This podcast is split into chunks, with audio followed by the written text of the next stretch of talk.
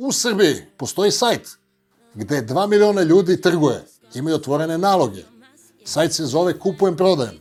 Šta bi se desilo, teoretski, ako bi vlasnici odlučili da ugasi sajt?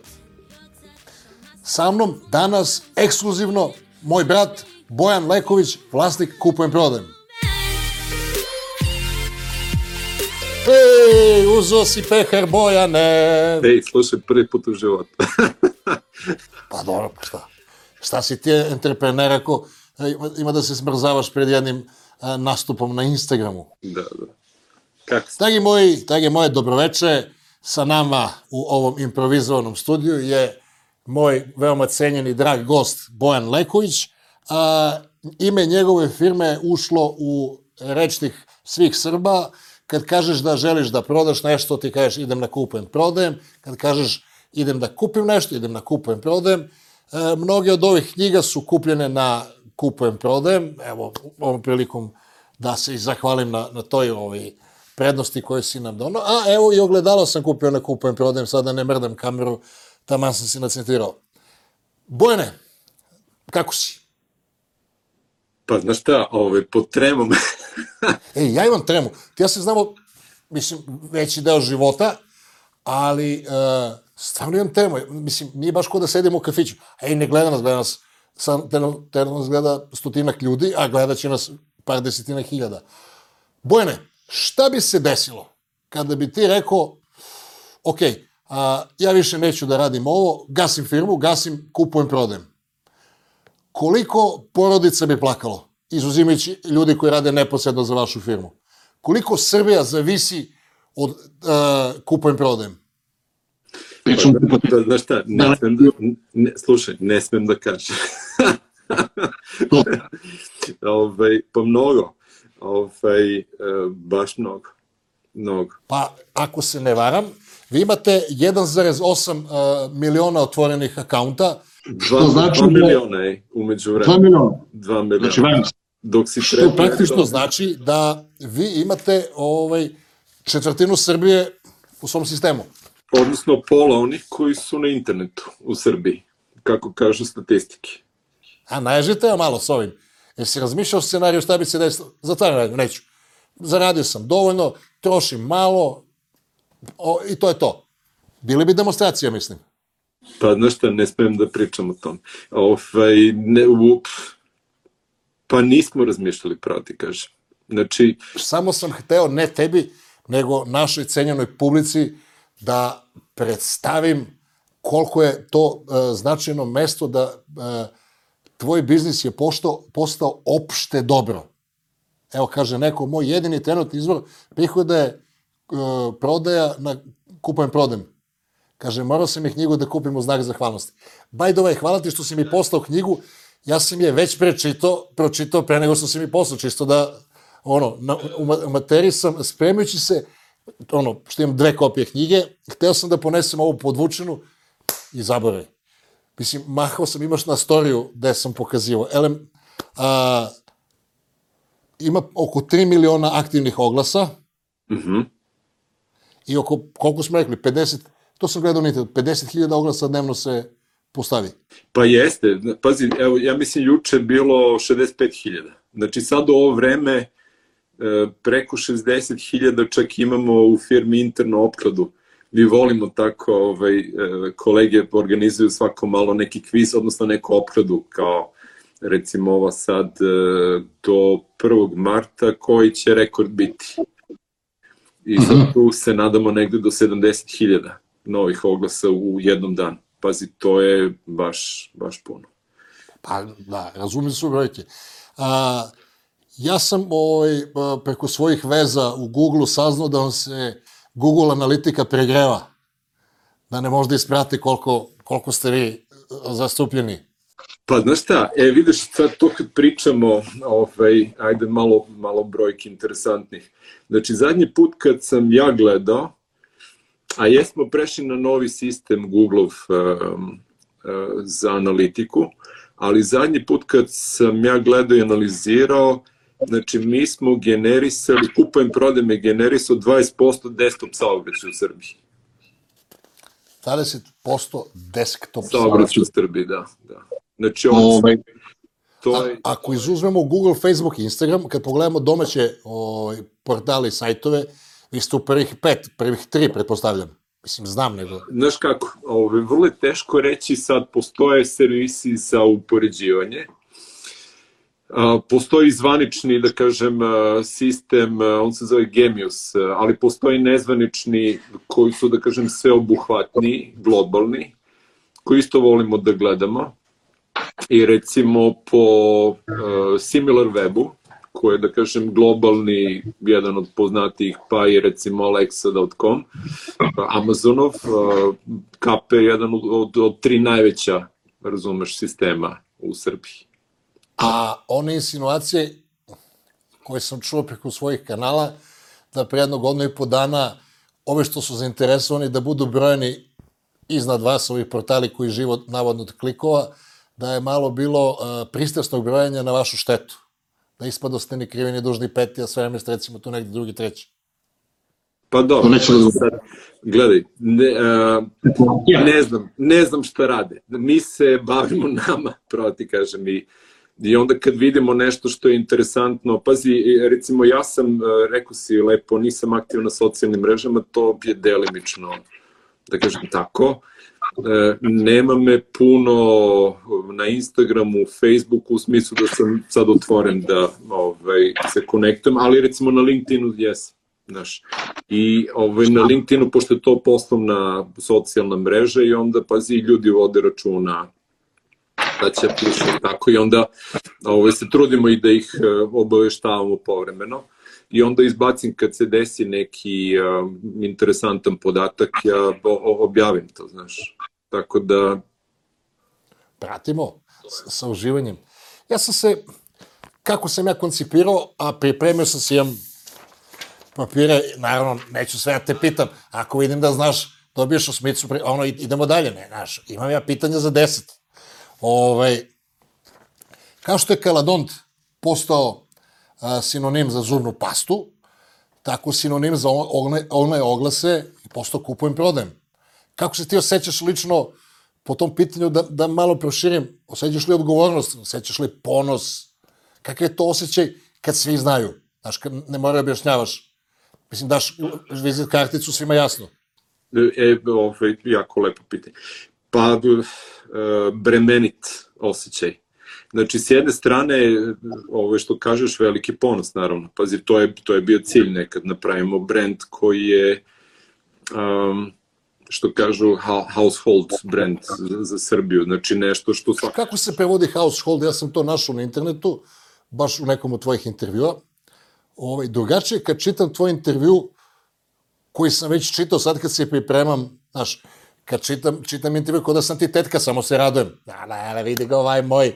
A sad kad se spremam, treba da odaberem dozu pitanja da ne, ono, da bude interesantno publici, a da tebi ne bude sad nešto neprijatno, da, da odgovaraš na neka čudna pitanja, što je moguće ako me ponese gradivo.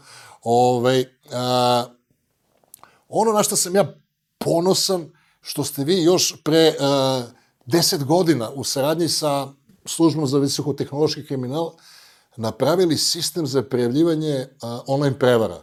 Ti naručiš, a, ne znam, telefon, oni ti pošalju parče cigle. I sećam se da, da si e, tim povodom rekao, kaže, prevere se dešavaju u ovome, u realnom životu, pa verovatno će se desiti i vi ste napravili sistem pre svih tamo, ono, ovaj, a, pre deset godina a, da predupredite, odnosno da korisnici mogu direktno sa vašeg portala ili sajta da prave internet prevaru policiji, odnosno da postoji ta veza. Jest, i to i postoji dan danas. I mogu ti kažem, to je bilo vrlo inovativno, čak za Evropu. Kako ne bre? Prvo, sama ideja, sama ideja da, da dođeš do toga, a kamoli da ga realizuješ. Jer su, izvini, prekinuo sam te. Pa ne znam koliko ljudi znaju, ja živim u Holandiji. Sad ne znam da li je to poznato, ajde da kažem, evo, za neki dan 21 godinu, skoro će rođendan. Ove, I mogu ti kažem, taj sistem u vreme kad smo ga napravili je bio vrlo inovativan za Evropu, a pazi, reperi Holandija definitivno. Znači imali smo odličnu saradnju tada i tako je to i uspelo sa e, MUP-om, posebnim odeljenjem za borbu protiv visokotehnološkog kriminala, jer nam je bio cilj da njima olakšamo i da ljudima olakšamo, jer je, da kažem, procesni deo tu prepreka. Znaš, kad prvo ljudi pojma nemaju šta kad se desi prevar, šta da radim? Znači, to nije, nije na svu sreću, nije česta pojava u životu, ali baš zato što nije česta ti pojma nemaš u tom trenutku i onda smo hteli da, ove, ako se desi, čoveku, žrtvi maksimalno olakšamo. Znaš, da ih e, povežemo sa onim ljudima u MUP-u koji zbilja mogu nešto da urade. Znaš, Tako da i taj sistem e, je aktivan i dan danas, samo što on, da kažem, sada u suštini ipak, ipak pomaže čoveku da sam da kažem, se opredeli da li ide ka MUP-u ili ka tužilaštvu direktno i onda da kažem, na taj način facilitiramo. Ne ide baš sve MUP, znaš, zavisno od toga kakav je, kakav je problem. Jasno. Kad smo već kod inovacija, pre tog sistema, a, taj a, vaš, prvo ste imali, iću deo po deo, nego sad skačem kao dete kad, kad uđe u prodavnicu igračaka, sve mi milo, sve mi interesantno, mislim da je očigledno, ovaj, a, ide onaj deo startup, kad ne znaš, hoće ga napraviš da radi, a ne znaš koji je biznis model, pa ste postavili na način, što je opet po meni bilo jako revolucionarno, da prvi put kod nas ljudi mogu da edituju, real time postavljaju svoje oglase, da ne mora šalju nekakvoj redakciji, da nose na, na, na cedulju ono, papir, ovaj, e, oglas koji imaju, verovatno ima ono da nacrtaju, jer e, kao što recimo Netflix započeo priču sa ovim, e, sa online oni su slali CD-ove, oni su počeli priču sa tim pre nego što je tehnologija bila spremna. Oni su imali pucen sa prestizanjem, oni su morali da pogode pokretnu metu, tako i vi tada niste znali da li će da fotoaparati, da li ima dovoljno digitalnih fotoaparata u Srbiji. Mislim, kako ono e, prodaje telefon ili, ne znam, loptu, a nema fotografije. Niste znali šta će biti sa kurirskim službama, ali tako? Jer ne znaš da će bude preskupo, da li stiže, da će da mažnjavi. I treća stvar, ovo je tu pretpostavljam, o, pravna regulativa je bila onaj 68. godine. A mora peti primjerak da se nosi u SDK, pretpostavljam, i, i, i da se potpisuju formulari kao da se oglašavaš na RTS-u. Pa sve, sve tako ko što kažeš i tu je bila jedna dilema, znači, odnosno jedno pitanje koje smo imali u glavi, ili ide Srbija ka Afganistanu ili Srbija ide ka Holandiji. I shvatili smo vrlo brzo da Srbija ide ka Holandiji, a ne ka Afganistanu i to je, razumeš, to, to te prelomilo da imaš poverenja i, i da si pozitivan. Jer pazi, za bilo šta da kreneš u životu, kad hoćeš da radiš, mnogo je bitno da si pozitivan. Znači da veruješ da će biti bolje, da, ovaj, da će ljudi imati, evo recimo ovo što kažeš, da će imati sve više digitalnih e, fotoaparata. Umeđu vremena se pojavili telefoni sa kamerama, pa ste kamere bile sve bolje. Znači nekad davno sličice sa telefona bile užasne. Znači mi ovo odmah si mogu da prepoznaš sliku sa telefona ili sa digitalne kamere pa se ovaj, umeđu vremenu desila eksplozija ovaj, u broju ovih eh, kurijskih službi, velika konkurencija tu postoji. Što nam ide na ruku. Kako ne, pa je to spustilo cene ovaj, slanja paketa, pa se umeđu vremenu desila i mnogo bolja zakonska regulativa, znači država je napredovala u tom smislu, pa čak ne samo da je bolja, nego su shvatili i prepoznali nas kao, da kažem, značajni igrače, pa su nas zvali da pomognemo u pisanju regulative. Ja sam, ne znam, e, to nismo, nismo imali prilike da pričamo, znači imao ovaj, čast da budem od pomoći ljudima u Ministarstvu trgovine, da ovaj, kao eksterni saradnik pomognem pisanju novih zakona o trgovini i o elektronskoj trgovini. Znači, pazi, mnogo lepih stvari se desilo umeđu vremenu, a mi smo pre toga anticipirali da će se desiti i, i ovi super. Što je, što je fenomenalni osjećaj kada ti provališ unapred šta će se desi, e, to ti je možda čak i veća satisfakcija nego novčana. Postoji jednostavni e, biznis modeli gde se zarađuje novac. Kupiš u Kini, doneseš, prodaš. Ali ovaj biznis model, uh, opet kažem, vidiš da, da se, kao tvoja tetka se ponaša, samo mi milo. Ove, vi imate na, kod vas a, ako se ne varam, 70 kategorija, 1800 grupa oglas. To je kategorizovano i ovaj, a, vi ste a, razvili opet mnogo rano, pogotovo u odnosu na naše područje, sistem veštačke inteligencije koji prepoznaje da li je oglas na pravom mestu. Mhm. Mm Sam se dobro spremio? Jesi, svaka čast. pa slušaj, pa ti si od te struke.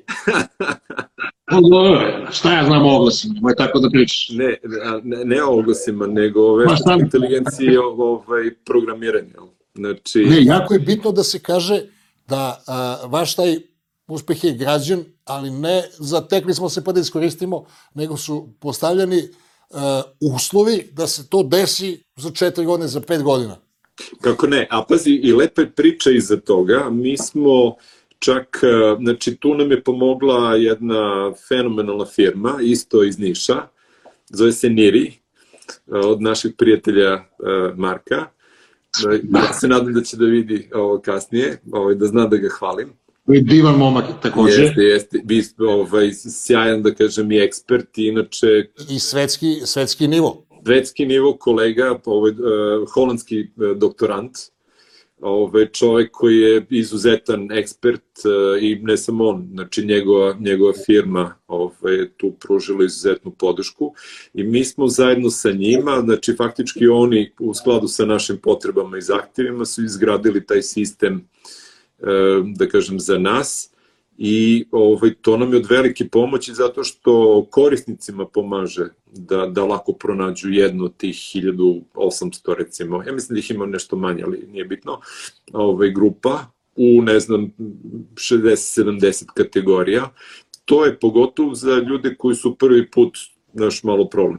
S druge strane, to pomaže našoj administraciji kad treba da se ovaj, sređuje sistem da, ovaj, da lakše srede. Znači, tu je ideja da te oglasi budu tamo gde treba da bude, ne, gde ne.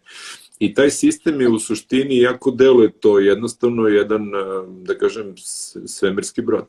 Znači, to je vrlo, vrlo komplikovana tehnologija koja se bazira na veštačkoj inteligenciji, odnosno machine learning, i ovaj, meni baš drago. A zašto kažem interesantna priča? Zato što smo mi svoje vremeno bili deo konzorcijuma, tu je, da kažem, još, jed, još jedna pohvala zapravo za, za državu. Ovaj, mislim da nije loše država se hvali ponekad.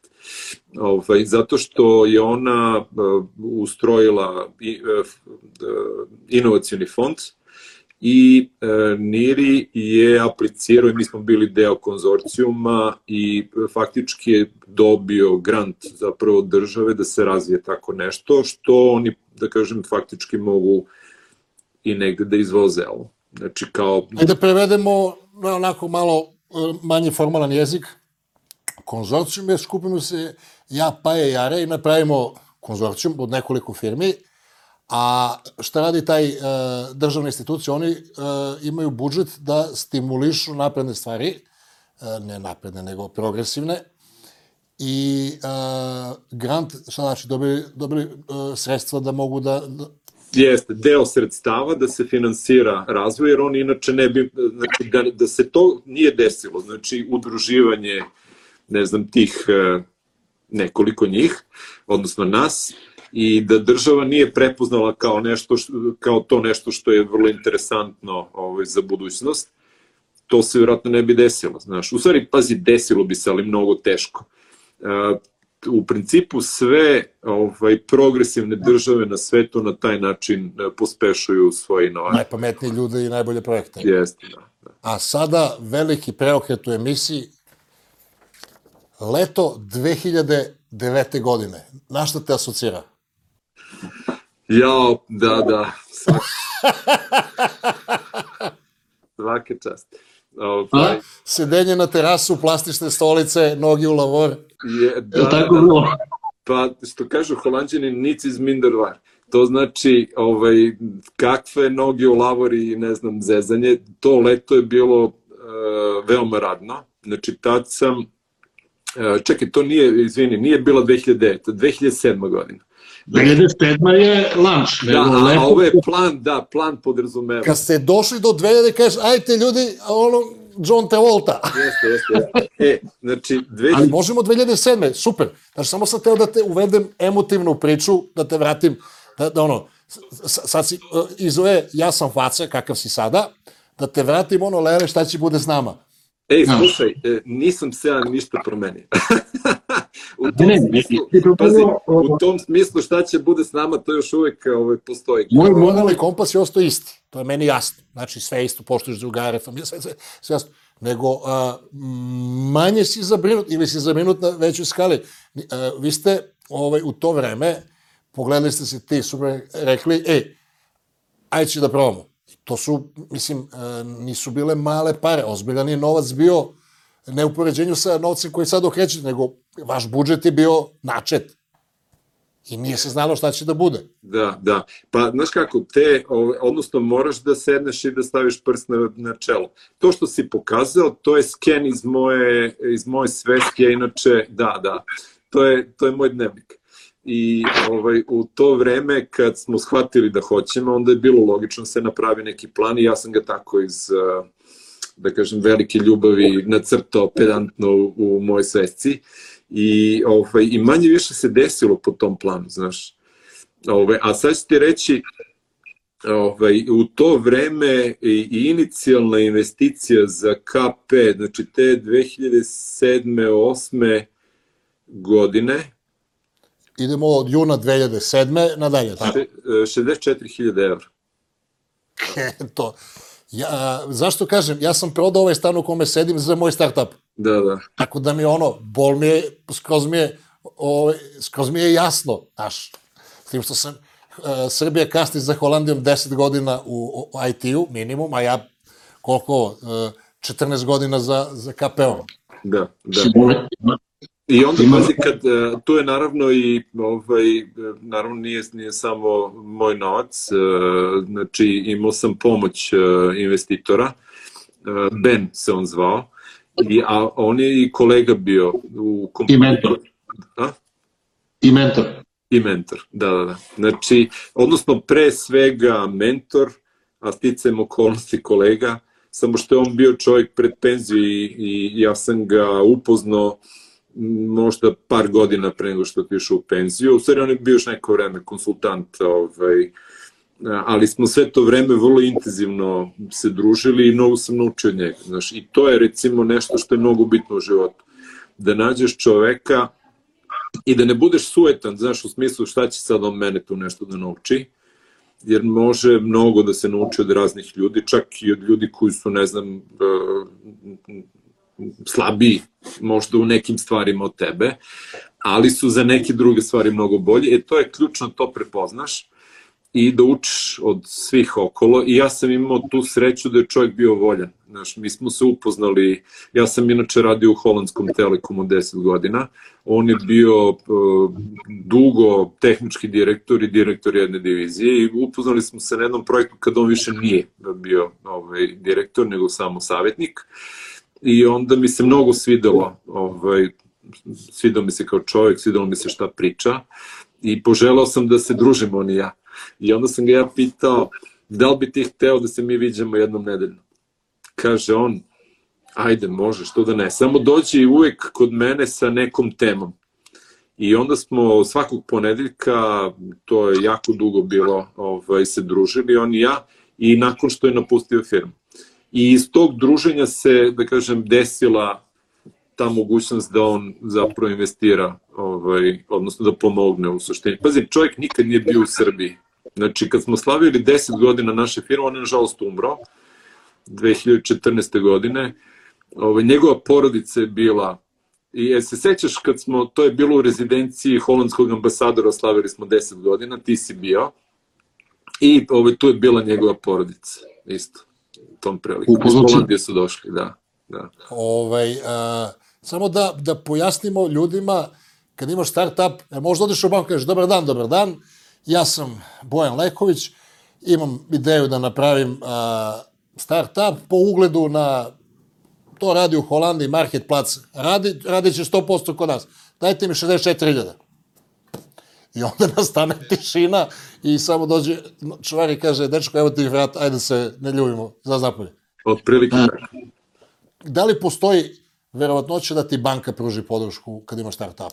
Znaš šta, da, ne, ne bi rekao da je nemoguće, jer ko zna, možda, možda negde neka banka to ovaj, i radi, ali ja nisam čuo. Znači, ako nije da, da recimo država nema neki program ili opet postoje neki fondovi, razumeš, gde su banke uključene jer ih neko tera, što bi se reklo, zavrćem ruku. I garantujem uh, risk free. Pa da, banke u suštini, to je vrlo veliki rizik za banke i oni to ne rade, znaš. Znači, tako da ovde je jako bitno da imaš e, neku ušteđevinu, ako je nemaš, onda se da onda nalaziš investitore, ili recimo družuješ rad. Znači, ljudi e, koji imaju nešto komplementarno u odnosu na tebe, pa se spojite i nešto napravi. I, a pazi, još jedna stvar, znači, da bih krenuo u nešto, ne treba ti puno para. Znači ja ovo što sam pomenuo sad, to je investicija koja je pokrila, ja mislim... Da, dve godine. Pa da, dve godine. Ali da, mi smo pre toga sa vrlo malo novca, pazi, ja mislim da je izrada inicijalno KP-a koštala 5000 evra. Znači, i on, to se zove, da kažem, minimum viable product, MVP, Znači, kad krećeš u neki startup, ti nisi lud sad da, da pukneš sve pare, nego gledaš da sa što manje para dođeš do najmanjeg proizvoda koji bi ti pomogao da istestiraš koncept. Tako da, e, pazi, taj novac, to je već na nivou pozemice porodične, znači to možeš, nije toliko teško ovaj, doći do to, ali ako i to ne možeš, onda se udružuješ. Znači, neko zna da programira, neko zna da smišlja, da kažem, kako bi to izgledalo, kako bi se spakovalo, dobar je za marketing, e, neko je dobar u operativi, tako sklopi se, da kažem, slika, nekoliko ljudi i pokrenu se. E, znaš li ko je John Wanamaker? Ne znam. John Wanamaker je rođen 1830, recimo 1838. godine, 40 on je, imam ga tu među knjigama, on je otac savremenog marketinga. On je ukapirao da marketing nije, uh, i, ovaj, i to oglašavanje, nije kao mi napravimo proizvod, pa ga vi ga prodate, nego počeo da koristi marketing. Pričamo o ovim offline shopovima i živo je do 1920 i neke godine, ali između tebe i Johna Wanamakera postoji jedna velika sličnost. Ti će sada se nasmeješ, tako? A ja znam zašto, pola novca potrošenog na marketing je bačen novac. A problem je što ne znamo koja je polovina. Vi ste bili Mambo Kings marketing kad ste se pojavili, tako? Nije počinjena ni jedna greška. Ovaj, kad svašta smo pokušavali i, e, i učeš ti tako, znaš, e, svašta. Znači, evo recimo imali smo na TV5 imali smo sat brendirani, KP, u to vreme. Znači, pre dnevnika bi na TV5 Niškoj televiziji išao, išao ovaj, sat sa...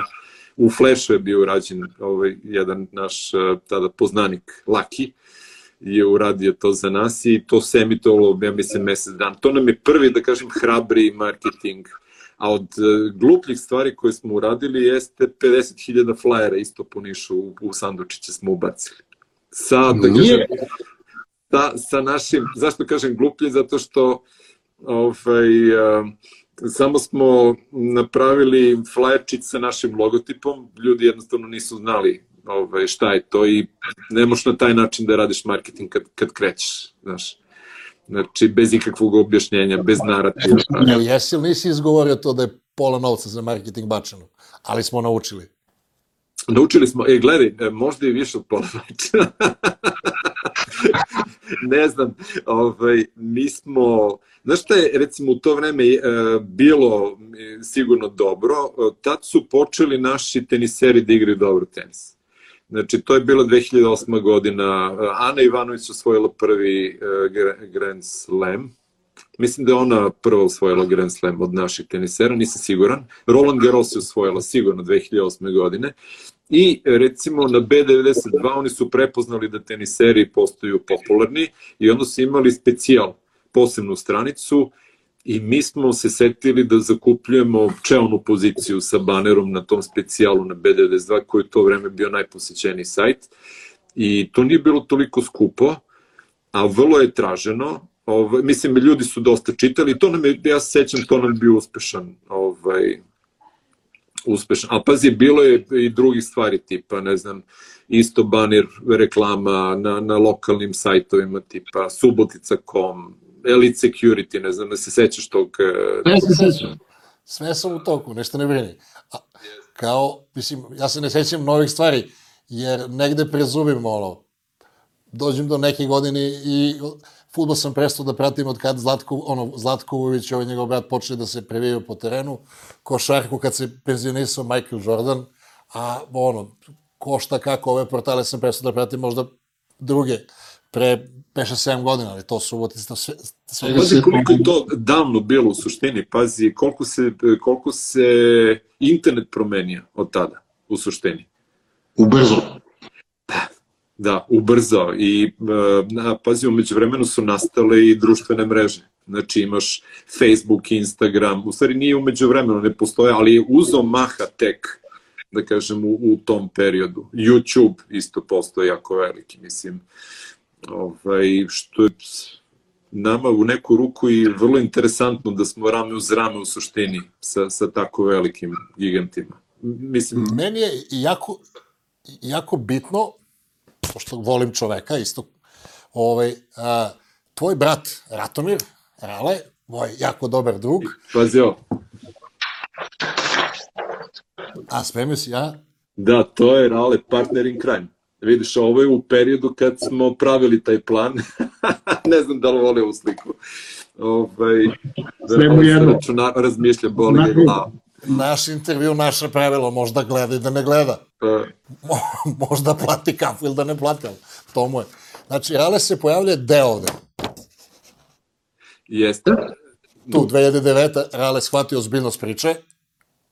E, ali pazi, ne, gle, on je shvatio u startu, nego nije bila prilika do tada, nismo mogli... Um, uh, znači, mi smo morali da krenemo bez ljudi. Vrlo neobično, znači da, da, da to, to toliko bude um, lin, što kažu u, u toj poslovnoj terminologiji, nismo mogli da opterećemo ničim. Ovaj, sam, samo nam je bilo bitno da, da, da konceptualno dokažemo. Da se desi koncept sa ljudima iz kuće. I Arale, on je, on je neviđeni preduzetnik. Znači, on je čovek koji je odmah bio spreman, znaš, da sedne, ja to, sad analogija meni sa Kolumbom mnogo draga, jer pazi, ti ideš faktički u nepoznato i neko treba sedne u taj brod i da ne zna da li će da, da preživi. To je rale. To je rale.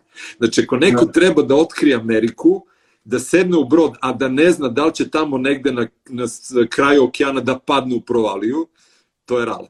Znaš, i, ovaj, i tako je on, um, ja se sećam, uh, Rale sam napravio, uh, Ra, Rale mi je rekao kolika treba prva plata da mu bude.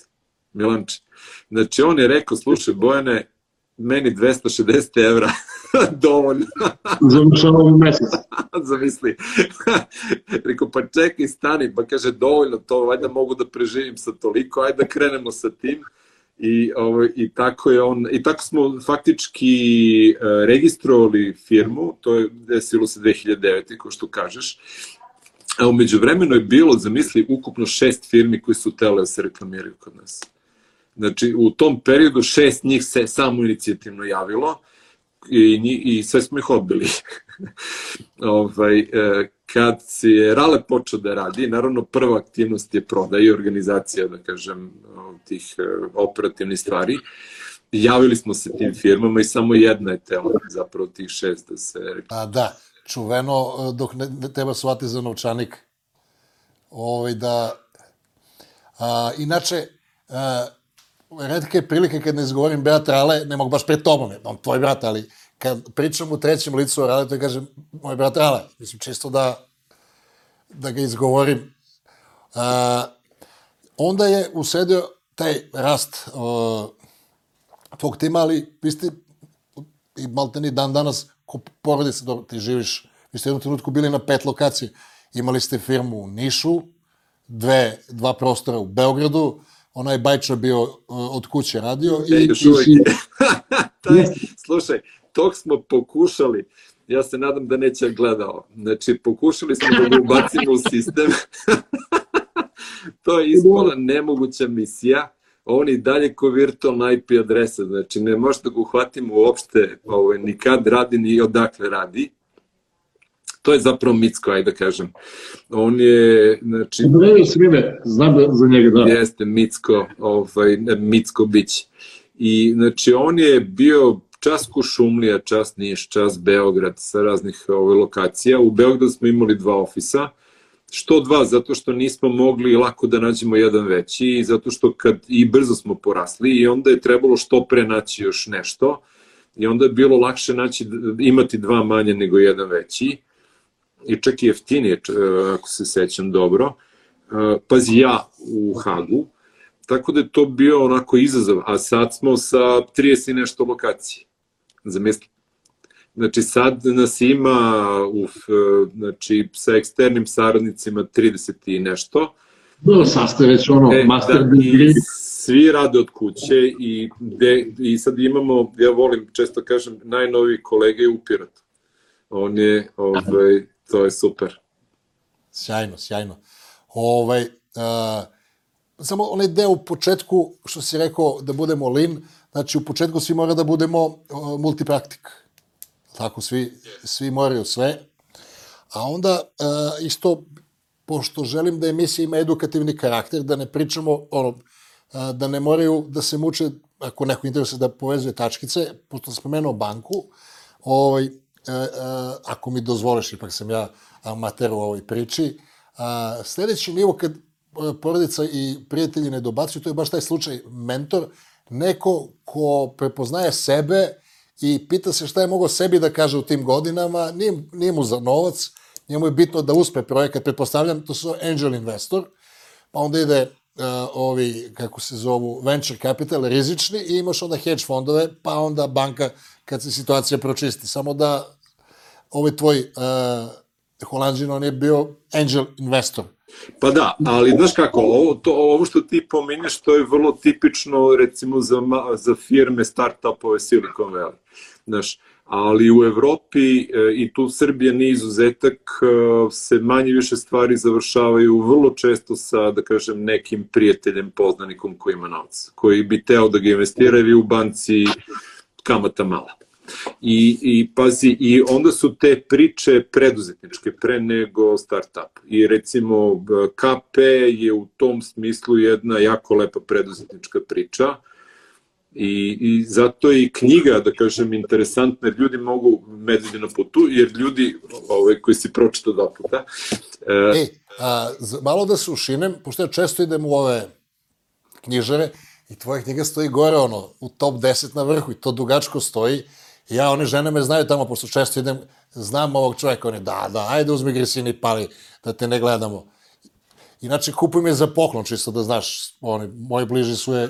E, a samo da vršem misao. Znači, ona opisuje, da kažem, preduzetnički put kakav je tipičan za, za bilo koju kompaniju koja nastaje, recimo, na teritoriji Evrope. Znači, Srbija, Holandija, Nemačka, gde god. Uh, to nije, da kažem, e, ono Silicon Valley priča. Znači, gde će doći, ne znam, u startu neki uh, uh, angel. Profesionalni investor da ti da money. Tako, a posle, da kažem, pa onda ti, ne znam, daje ove, infrastrukturu, socijalnu, pa te edukuje, ne znam koliko, pa onda ti se do, dočepaš berze u nekom trenutku i to eksplodira sve, znaš to je toliko redka stvar, da kažem, u, u, u, u klasičnom svetu, a ljudi misle da, je, da, da, da, da sve firme nastaju tako, daleko toga. Znači, i onda je ovaj, to bila moja e, želja, delom, da zapravo ispričam kako to u životu jeste obično. Jer, e, tužno je, imaš više, uh, imaš više slobodnih stanova nego beskućnika. Imaš više ljudi sa novcem nego start-upova ne mogu da su ulože, ali ta konekcija se ne desi, ne desi kako treba iz nekog razloga. A kaži mi, uh, hoću da pričam o knjizi, nego samo da mi ne iscuri ovaj deo, koje su to stvari koje su bitne za neko ko hoće da ima start-up, uh, koje su osobine, koje su veštine koje treba da nauči. Uh, jer nas recimo ne uči ništa o financijama. Ja sam završio elektroniku, ja sam neki bajčar, nisam znao šta je profit and loss. Pali me na gurku tri godine da ukapiram uh, da koristim Excel tabelu. Da, e, ali znaš šta, to može, ovaj, uh, može i posle, nije strašno, ne moraš u startu. Da bi bio preduzetnik, a, treba ti tri, četiri stvari. Evo, recimo, prvo treba ti naravno kvalitetna ideja. Onda ti treba da ti možeš da tu kvalitetnu ideju prevedeš u dobar plan. Znači, trebaš da imaš dovoljno kritičkog razmišljanja u sebi da to, da kažem, kad se prevede u taj plan je realno. Treba ti da si spreman na rizik, znači nije ne... I da imaš cigaretu da teraš. E, bravo. Znači da imaš energiju da to izguraš i to je to. To su ti osnovni, da kažem, elementi za tu tortu. Sve ostalo posle ti, da kažem, snalaziš se. Znači, ako treba da se razumeš u financije, naučiš. Ako treba, ne znam, neko znanje, sedneš, naučiš. Pa pazi ti, ove, stalno čitaš nešto. Ovaj, uh, znači, ako si uh, izložen nekim problemima, prirodno postoji, da kažem, interes kod tebe da sedneš, da pročitaš, da vidiš kako bi rešio taj problem. Jer ako ga nemaš, ne znaš šta da čitaš. Znaš. I sad može čovjek koji je prirodno radozno da čita sve, sve redom. Ali, ali ne dobaci do krajnje instancije, nego samo na informativnom nivou. Pa da, i, i mnogo, je, mnogo je bitno da imaš uh, fokus. Uh, znači, a taj um, fokus dobijaš zato što znaš što želiš. Znači, kad si krenuo u nešto, ti već imaš neku viziju, kako to nešto treba da izgleda, kako će u budućnosti ovaj, da se to, da kažem, prodaje, koliko će biti uspešno, ko će sve to želiti i onda grabiš ka tome. Znaš, sve e, u glavi ovaj, prolaziš situacije i onda vidiš koji bi to mogli da budu problemi i onda tražiš literaturu ili učiš, pitaš ljude na koji način bi to mogo da reši. I tako ide taj proces. Ja mislim da moraš da kreneš da bi shvatio na koju stranu da se dalje edukuješ. Znaš. Odnosno da skočiš pa da sklapaš avion uz put. Jeste. Kako kažu po knjigama. Ove, ovaj, uh, sad da ne zvučim kao ono, ultra mega tvoj fan, o, mislim, ljudi, uh, nismo jasno rekli, znamo se 30 nešto godina. Mnogo davno. Ja tebe, ja, Milanče, ja se tebe sećam iz srednje škole. Znači, ja sam, išli, išli smo u istu srednju u Boru, pri čemu si ti bio zadnja godina, ja prva u srednje, ali tebe su svi znali. Pa dobro. Mnogo si skakao u to vreme. e, ljudi ne znaju da sam bio košarkaš i da sam mogao da zakucam sa pauzom za kafu skočim popijem bio si, Milanče, ne znam da znaš to, ne znaš sigurno. Znači, ti si bio sudija u košarkaškim mečima gde sam ja igrao. Uje, ja, ni ne znam da sam bio sudija. Eto, sad sam ti iznenadio. Bio sam... Jesi dao neko bacanje da bacaš barem? Ovako. Jesi bacao neko bacanje? Jesam. Hvala ti. Ono. Ja sam uh, imao jedan intervju sa onim, upoznao sam i tebe, pošto ne pratiš ti sve, Imamo iz Niša fantastičnog dečka koji je jako duhovit, jako čudan humor, ali meni je onako izbaždaren, pa sam ti rekao da sam radio intervju s njim, onaj familija Tebra Loko. Danas sam video tweet gde neko pita u žargonu familije uh, državnu upravu, ono e-uprava, kaže, hoće li, ne znam, Brabo, familijo, pa onda e-uprava, hoće li, pa ne znam, uh, da budu te vakcine, da mogu da idem sa Elenu da ližem gelenderi a ovi iz EU prvo odgovaraju hashtag familijobe. Sjajno. Sjajno. Dečko je napravio izvanredan ovaj, uh, odskok. Čudan je humor, uh, ali uh, meni nije sad. E, ali znaš šta, a vidiš, to je jako interesantno. Ovaj, to što kažeš čudan je humor, to pokazuje zapravo da čovek ima E, posebnost koja je vredna pažnje. Znači, i to je e, generalno savet, recimo, svima koji žele nešto da, da, da urade u životu. Znači, e, možda budeš uspešan ako shvatiš na koji način ćeš ti da se razlikuješ od drugih. I da pri tome budeš ja. Da budeš svoj. Tako je, da budeš svoj i da teraš tu svoju priču i to je, evo recimo mi nekad davno kad smo počeli, ovo što si ti primetio, mi smo shvatili da niko ne nudi mogućnost da, da svaki korisnik interneta bude urednik svojih oglasa. Znači, ne možeš da budeš, ne znam, e, koliko uspešan u nečemu ako dođeš kao drugi, treći, a pazi ispred tebe ima mnogo veći, mnogo jači. I ti nudiš... Da čekaš da ovi odumru prirodno. Znači, moraš da se razlikuješ na neki način i recimo ovo što radi familija je baš interesantno. A nisi, ovaj, nisi do tada video uopšte? E, jesam. Znači, video sam i pre, interesantan mi je, ali onda sam video i taj vaš intervju, ovaj, sjajno. sjajno. Zamerili su mi da sam mnogo pričao, ja sam drugaristo s njim, pa sad hoću pričam s tobom, a čutim, grizem, važi i sad merim 6-7 minuta, tipa ja 15 sekundi, ali hoću pričam, znaš, ne vidimo se mi dovoljno da ja sad čutim, jebi ga. Znaš, pričam ja nešto da kažem.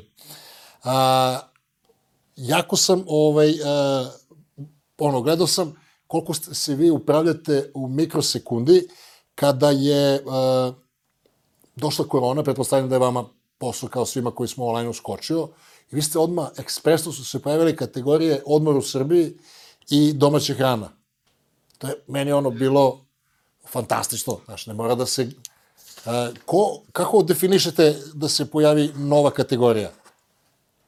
E, pazi ovako, znači to je vrlo lepo pitanje, znači postoje dva procesa, jedan je redovni kad je mirnodopsko vreme i mi stalno preko korisničkog feedbacka, to, to je da kažem naše interno ime kad nam se jave korisnici na kontakt formu, ovaj, dobijamo razne predloge i postoji tim ljudi koji se bavi analizom tih predloga. Znaš, to je recimo svake nedelje oni dobiju gomilu predloga i onda sednu i većaju. I onda kažu, hm, ovo je interesantno, ovaj, i to ćemo da uvedemo i onda se to desi. Znaš, e, posljedica toga jeste da onaj, e, da kažem, e, sistem na bazi veštačke inteligencije tad malo ovaj, zatiltuje, I mi moramo da, da, i mi moramo da, da ga naučimo ponovo da postoji nešto novo u sistemu. Da se zove Marku 4, alobe Mare, šta si nam prodao, ovo ne radi. Da, da, da. E, to, znači, to je redovna procedura i, e, da kažem, ljudi koji se bave korisničkim e, kontaktom, oni, da kažem, to je potpuno u njihovoj e, ingerenciji i oni odlučuju šta će da budu kategorije i, i grupa na portalu. Međutim, ove dve koje si pomenuo, to su specijalne stvari, specijalni projekti, zato što smo prepoznali ove, opet isti ljudi uključeni, ali i drugi im pomažu. Uh, prepoznali, da kažem, trenutak e, koliko je to bitno za društvo u tom, e, u tom periodu i onda se daje velika pažnja, to, se, to je bilo promovisano na raznim kanalima, razumeš, što je i marketing ovaj, dosta... Ovaj... Ali marketing 2.0 nije na onaj marketing uh, 1.01 što ste imali na početku na TV5, nego marketing. Jeste, pravi, slušaj, pravi marketing. Znači, umeđu vremenu se desilo da imamo i izuzetne ljude koji rade u marketingu i ovaj, razumeju ljudi šta treba se radi. Tako da, e, vidiš, mnogo mi je drago da si primetio koliko je to, a pazi, nama kad nešto radimo nije toliko sad da, da, da bitno da, uh, kako bi to rekao, ne, ne puvamo se s tim znaš, nego je bitno da običan korisnik primeti benefit i da krene da to koristi onako prirodno, organski što bi rekli. I to je ljudima mnogo značilo zato što ako se sećaš, pazi, pijace su bile zatvorene neko vreme. Znaš, pa onda, recimo, pazi, niko nije mogu da putuje i logično je bilo da će odmor u Srbiji da bude ovaj, broj. Da se vratimo na moje prvo pitanje, šta bi se desilo da vi zatvorite butigu? Mislim, mislim, ja pitao bez veze. Za vas su nakačeni, uh, uh, nakačeni su bile mnogih porodica u Srbiji. Ako se ne varam, vi imate odnos 90 prema 10%. 90% su polovne stvari. Da, da. Tako ne. Pa, da, po, a 10% su nove. Pa pazi, ima, ja mislim, 25.000 firmi u sistemu znači od 2 miliona korisnika. E sad, pazi, firme imaju mnogo više oglasa po, da kažem... Da, oni rafalno. Da, ali ovaj, veliki, naš, e, da kažem, to dosta pomaže ljudima. I evo, recimo, interesantan ovaj, e, pa da, to smo pomenuli. Znači, u svakom trenutku 3 miliona aktivnih, aktivnih oglasa. Znači, e, jedno veliko izobilje, ako ti treba nešto, prirodno prvo mesto u Srbiji je kupovina. Meni čak kad tražim nešto, kad mi, pošto ja kupujem knjige, ovo mi je deo biblioteke, imam kod kuće veću, a, neću da izgovorim, da, naravno, ime konkurencije, kad mi zađe oglas kod njih, oni nemaju ono šalju na poverenje, moram uplatim, mora se čujem, mora mi pošalje račun, ja to ne mogu sve. Ne mogu, znaš, mislim, neću izgovaram ime, ima dve one, a, jednostavno mi ovo odgovara, ima mi dobar rating, kupujem stalno, i ovaj, uh, jako mi je drago da to lepo funkcioniše. Kako bi ti definisao, pošto si ti digitalizovao, ti imaš lepu, ovaj, uh, lepo definišeš, šta je digitalizacija? E, sad, pazi, sad, sad si me zatekao. Sad, pazi, ovo je pitanje, pitanje za ispit. Ne, ne, ne, ne, ne, ne. Ne, ne pitam te teško pitanje. To je ono, kada žena, recimo, uvati muža da zabelji, sad ću te zakoljem, kaži mi, što da te ne ubijem? Pa sad si me zatekla, ne, ne mogu ti kažem ništa, on, znaš. A, negde sam a, čuo da kaže, mislim, digitalizacija kad spojiš dvoje ljudi koji treba da ostvare nekakvu transakciju, nešto, a da ne mora se nađu na, na fizičkom mestu. Da, pa online. Ali dobro, pazi, digitalizacija za razne ljude predstavlja različite stvari. Znaš, pazi, ti možda budeš digitalizovan individualno. Za mene, neko ko koristi e-mail ili uh, kalendar na telefonu Da. i koristi, ne znam, socijalne mreže, individualno digitalizovan. Znači, on je u stanju da komunicira sa ljudima, a da ne zove nekog. Jer komunikacija putem poruka je efikasnija. Znaš. A onda ti kao biznis možda budeš digitalizovan ako, recimo, neko može da koristi tvoje usluge ili proizvode bez da dođe kod tebe. Znači, i, ili recimo, ako ti nešto u firmi radiš, a, automatizovano ti si isto digitalizovan. Znači, ako to softveri rade, kompjuteri i tako, eto, mislim, je li to okej? Okay? Uh, ja sam pod utiskom i knjige. Uh, jedna od stvari gde si me po ko zna koji put kupio je uh, način uh, kako ti sagledavaš plate svojim ljudima. Prvo pravilo je moraš da bude svestan koliko su oni vredni na tržištu, kažeš ti. E sad, ja recimo nekad kad čitam, ja sam tri knjige napisao, sam zaboravim šta sam napisao, u što pametan čovjek, pa verovatno će tebi sad kad ti citiram šta si napisao, kažeš u što pametan čovjek, pa da se ne zaletiš, da se samo pohvališ, ovo si ti napisao, a, sagledaš koliko vrede na tržištu, pa ih platiš više. Jer jednostavno, a, tako treba da bude, ne da platiš ono koliko, nego platiš više, sad a, i njima će biti milo da rade, bolje će da rade, osjećaju se a, važnim, i bolje mogu da, da isporuče. A i opet kad pogledaš troškovi obuke, pronalaženje ljudi, nije to ovaj, a, zanemarivo. A, kako, ti, o, kako si došao do tog modela da, ih, da, da se trudiš da budu prezadovoljni? Pa na, zato što ti je odlazak ljudi skupa zezalice. I, i emotivno i... U svakom pogledu, znači prvo za tebe, drugo za druge ljude ovaj, u timu, jer se tu kreiraju vrlo jake veze i zato što onda posle moraš, treba ti dosta vremena nađeš novog čoveka pa da ga ubaciš i tako. I, i pazi, ovo sad, to je, da budem iskren, jedna racionalna stvar, racionalna odluka. Čim kreneš da se baviš ljudima, ti moraš zapravo da se baviš time šta te ljude motiviš, znaš. Igraš odbranu napred, da ti se ne desi neko da ode za 30 evra u drugu firmu. Ovako mu nije sve jedno... Dakle, ovaj, tu gledaš tu gledaš zapravo da nađeš ljude koji vole ovaj, taj posao kod tebe, jer je to isto jedna komponenta motivacije, znači da on mnogo voli ono što će raditi kod tebe, da zavoli, eh, da kažem, to okruženje i onda nemaš taj rizik da će neko da bude job hopper, ako me razumeš. Znači da skače s posla na posao zbog, ne znam, malo veće. Da, da ima, da ima memorisan ono infostud na, na desktopu, da radi kod tebe, a gleda kakve su ponude. Pa gledaj, prirodno je da ljudi se stalno ovaj, orijentišu i a, dobar poslodavac mora se trudi da ovaj, to nije slučaj toliko često. Znači, ti gledaš da sve ono što motiviše čoveka ispuniš, Znači, plata je jedna od, od tih stvari samo. Ali recimo, e, kakav ti je šef? Znači, e, kakvo je okruženje radno? Da li imaš sredstva za rad? Kakva je atmosfera u firmi? Kultura? E, ovaj, da li radiš na nečemu što je društveno korisno? Da li ljudi na ulici, kad im kažeš, ej, ja radim u toj firmi, kažu, wow.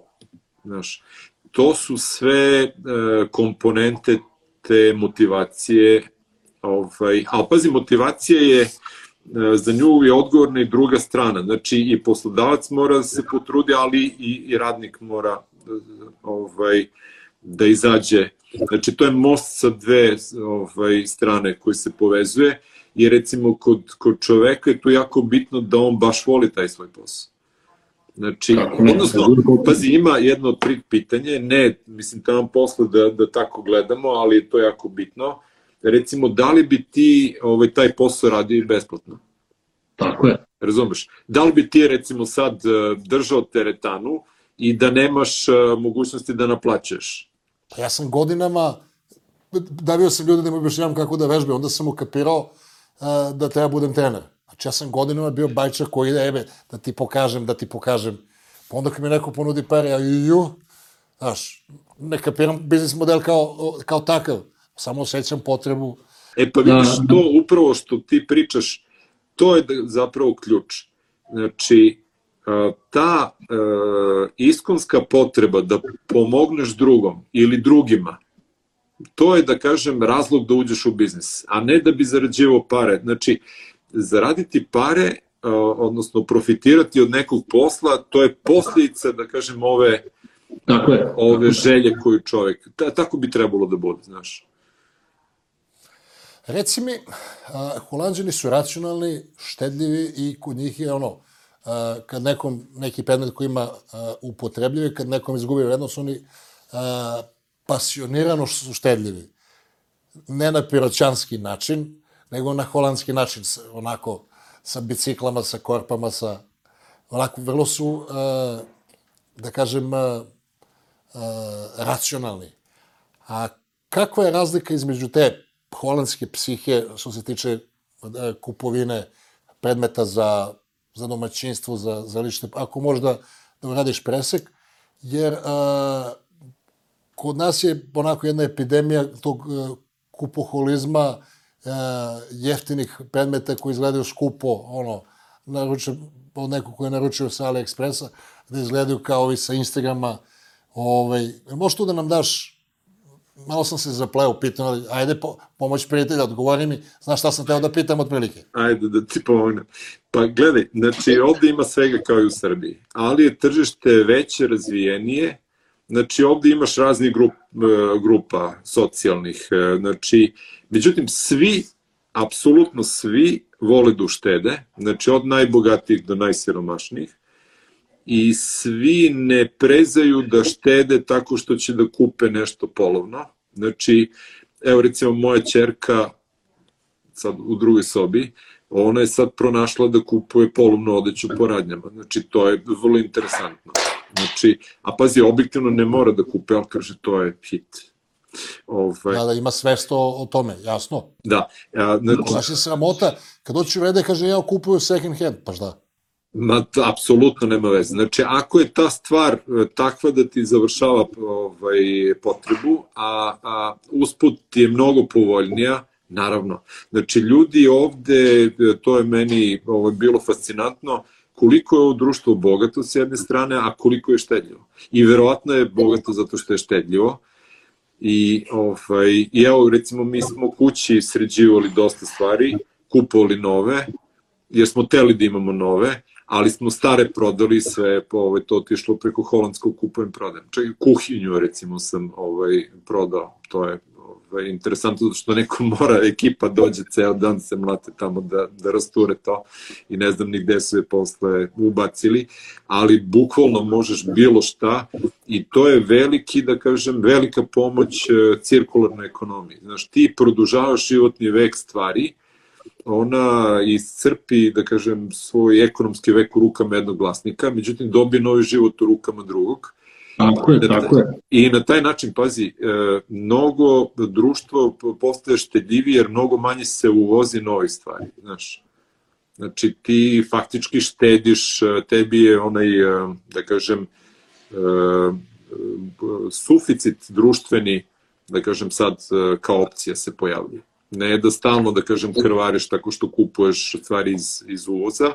I to je jedan od velikih benefita, da kažem, platformi kao što je naša. Inače, pazi, sva zapadna društva imaju svoj kupujem pravi. Znaš.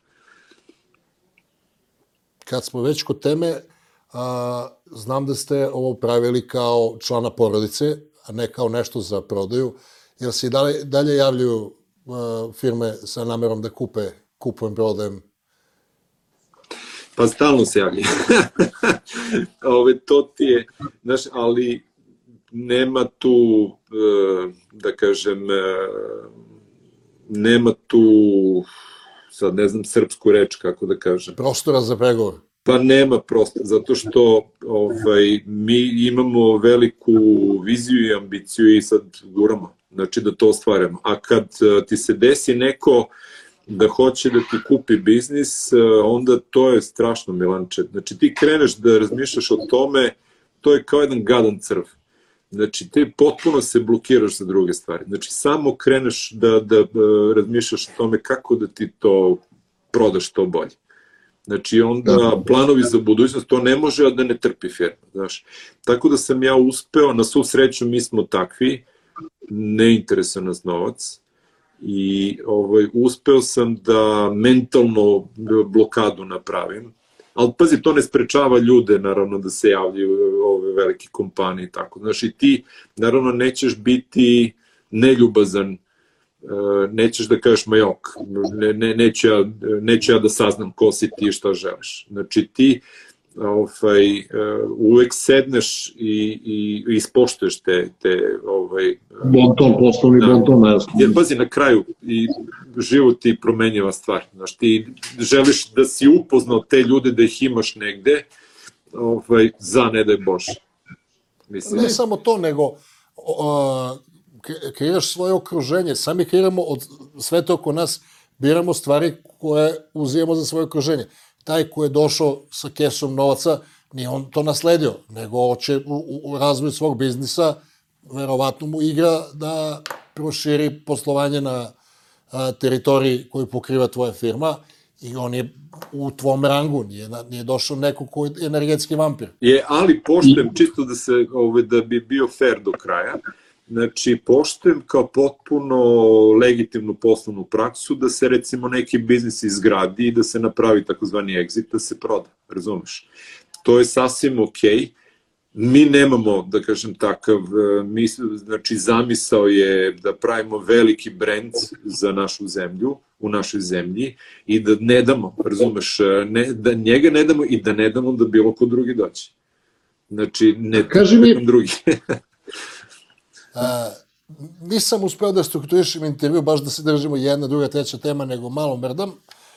A, tvoja knjiga je nastala iz 20-godišnjeg iskustva i mogu da ti kažem kao osoba, ja čitam dve knjige nedeljno, da sam tvoju knjigu čitao jedan i po put. Znači, čitao sam podlačio, pa sam čitao ponovo, jako mi se sviđa.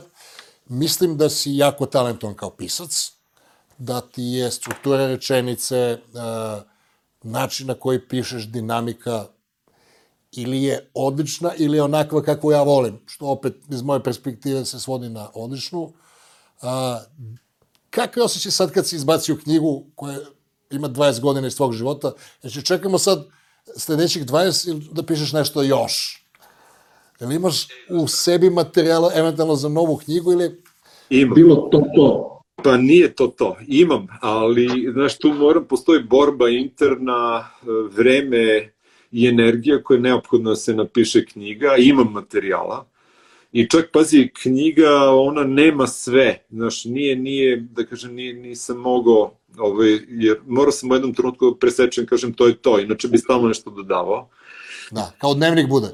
Pa da, tako da, ovaj, vidjet ćemo. Znači, imam, imam ideje i ovaj, samo mi treba energije i vremena. Znaš. Tri stvari pošto a, će udavimo ljude, oni gledaju 15 minuta, ovo, sigurno smo prešli 17 minuta. A, ti nije bilo dosadno. Imao sam o intervju, pošto je naš, ne znam, ti odgovara, ja sam spreman došao. Da, kako ne. Ma super, Milanče. Imam ja insajdere, by the way. Da, da. Ovaj, a, imaš li neko pitanje za mene? Pa, Viš šta, kako da pitaš. ovaj, pa, nije pitanje nego želja. Znači, želja mi je da ovaj, čim budem mogo dođem u Niš, pa se vidimo, se družimo. Prošli put kad sam bio, bio sam kod tebe. Ovaj, ja, ja mislim da si u istom ofisu sada gde, si, gde smo se videli, je li tako? Tako je. Pa da, znači, to mi je onako, imam jedan problem, sad to ljudima malo se žalim ovako, znači nisam baš u prilici previše da se družim sa meni jako dragim ljudima. I onda moram da nađem, moram da budem inovativan kako da, da smognem vremena i, i prilike da se, da se družim. Je. Ću upalim ja avion, dođem ja do Holandije, nije mi problem. Kupio sam ja kartu, uh, ajde da ti ne pričam, evo sam da, da ti zakucam, ovaj, nego sam u finišu, ja sam teo da letim preko Španije. Ali ja sam letao sad u toku ovoga, pošto sam ja majstor da izbušim kad ne može, teo sam se izbajem, pa ono, pošaljem porevu kad sam ampasan. Međutim, Španci zatvorili vremensku kapu. Ja sam letao š- po Španiji, bio sam do Nemačke, Srbija, pa sam teo da odem, gde sam teo da idem, be, uh, Belgija, š, uh, Holandija. Španija, Belgija, Holandija za, za kanal. I ajde, propade, ali ja 400 dinara imam da platim kafu kad dođeš, spreman sam. Ej, slušaj, jedva čekam, a znaš šta ću ti reći, skoro sam se javio Miljanu Ž. Veselinoviću. I ove, ja ga lično ne znam, ali mi je mnogo drag čovek, preko Facebooka smo se povezali, pratim, eh, pratim ga i pratim i Niš We Don't Say grupu Da, na, na Facebooku. Ej, slušaj, mnogo mi je drago. To je toliko kreativna grupa, znači to je nešto ubedljivo najbolje u Srbiji sad, ove, iz moje perspektive, na Facebooku i naravno u okviru nje je Miljana i pustio sam mu poruku nedavno da se vidimo kad bude bio ovaj, zemlja. Ej, slušaj, kaže da hoće i jedva čekam, pravo ti kažem, samo se okolnosti ovaj, e, podese. Ne znam, ljudi ne znaju, ali recimo nama od večeras ide policijski čas, od, e, od 9 večeras. Ne smem da izađem vani do 4 ujutru. S- Svake noći će biti, znači nema druženja uveče ovde u Holandiji. Kupi kuće. Ej, kuće, ja. Ove, sve moji prijatelji imaju, mi nemamo, ne možda postignemo sa ovo, još i kuće. Ja dva. Da, a Dva pazi, to je pa- velika ljubav i obaveza, ne znam kako bi sad... A Ovo, pogotovo sad kad pada kiša, ovaj, brisanje šapica, jest. Tako da, samo se vratim na ovo. Znači, velika mi je želja da se družim i da, da, da kažem, da provedem vreme sa dragim ljudima. Znaš, to mi je nekako... To, e, to je čisto kao, da kažem, poruka ljudima da, se, da razmisle o tome šta im je bitno u životu. A, nisam teo da, da se namećem, ali apropo stvaranje ku, kulture, ovaj, ja sam ovde u ovom malom startupu imao zadovoljstvo da ugostim Bojana, bio je Nikola Božinović, bili su još tako neki ljudi, Istok Pavlović, ljudi koji e, svojim energijom i znanjem uh, kreiraju, bio, mislim, i dan danas smo, ovi nisu verovali da si ti došao, ovi, što rade sa, uh, moje kolegi i saradnici, i hvala ti još jednom na tome. Ja bih da privedem ovo kraju, puno ti hvala. A ako nešto nisam formulisao kako treba, će i sečemo u režiji. Milanče, hvala tebi ovaj, mnogo. Ovaj, baš mi je bilo ovaj, drago kad smo se čuli ovaj, i super što se podesilo da, da ovaj, možemo. Ovaj, mnogo mi je drago. Živi kao da ćeš, ne daj Bože, umeti sutra, uči kao da ćeš da živiš večno. Na linku dole možete da preuzmete tri moje knjige potpuno besplatno. Takođe dole na linku, svi znate da sam ja online personalni trener, dakle na dole linku možete da uzmete 7 dana besplatne saradnje sa mnom, da probate da vidite kako to funkcioniše, a ako neko želi baš da donira, takođe dole link za PayPal dugme. Kao Strongman.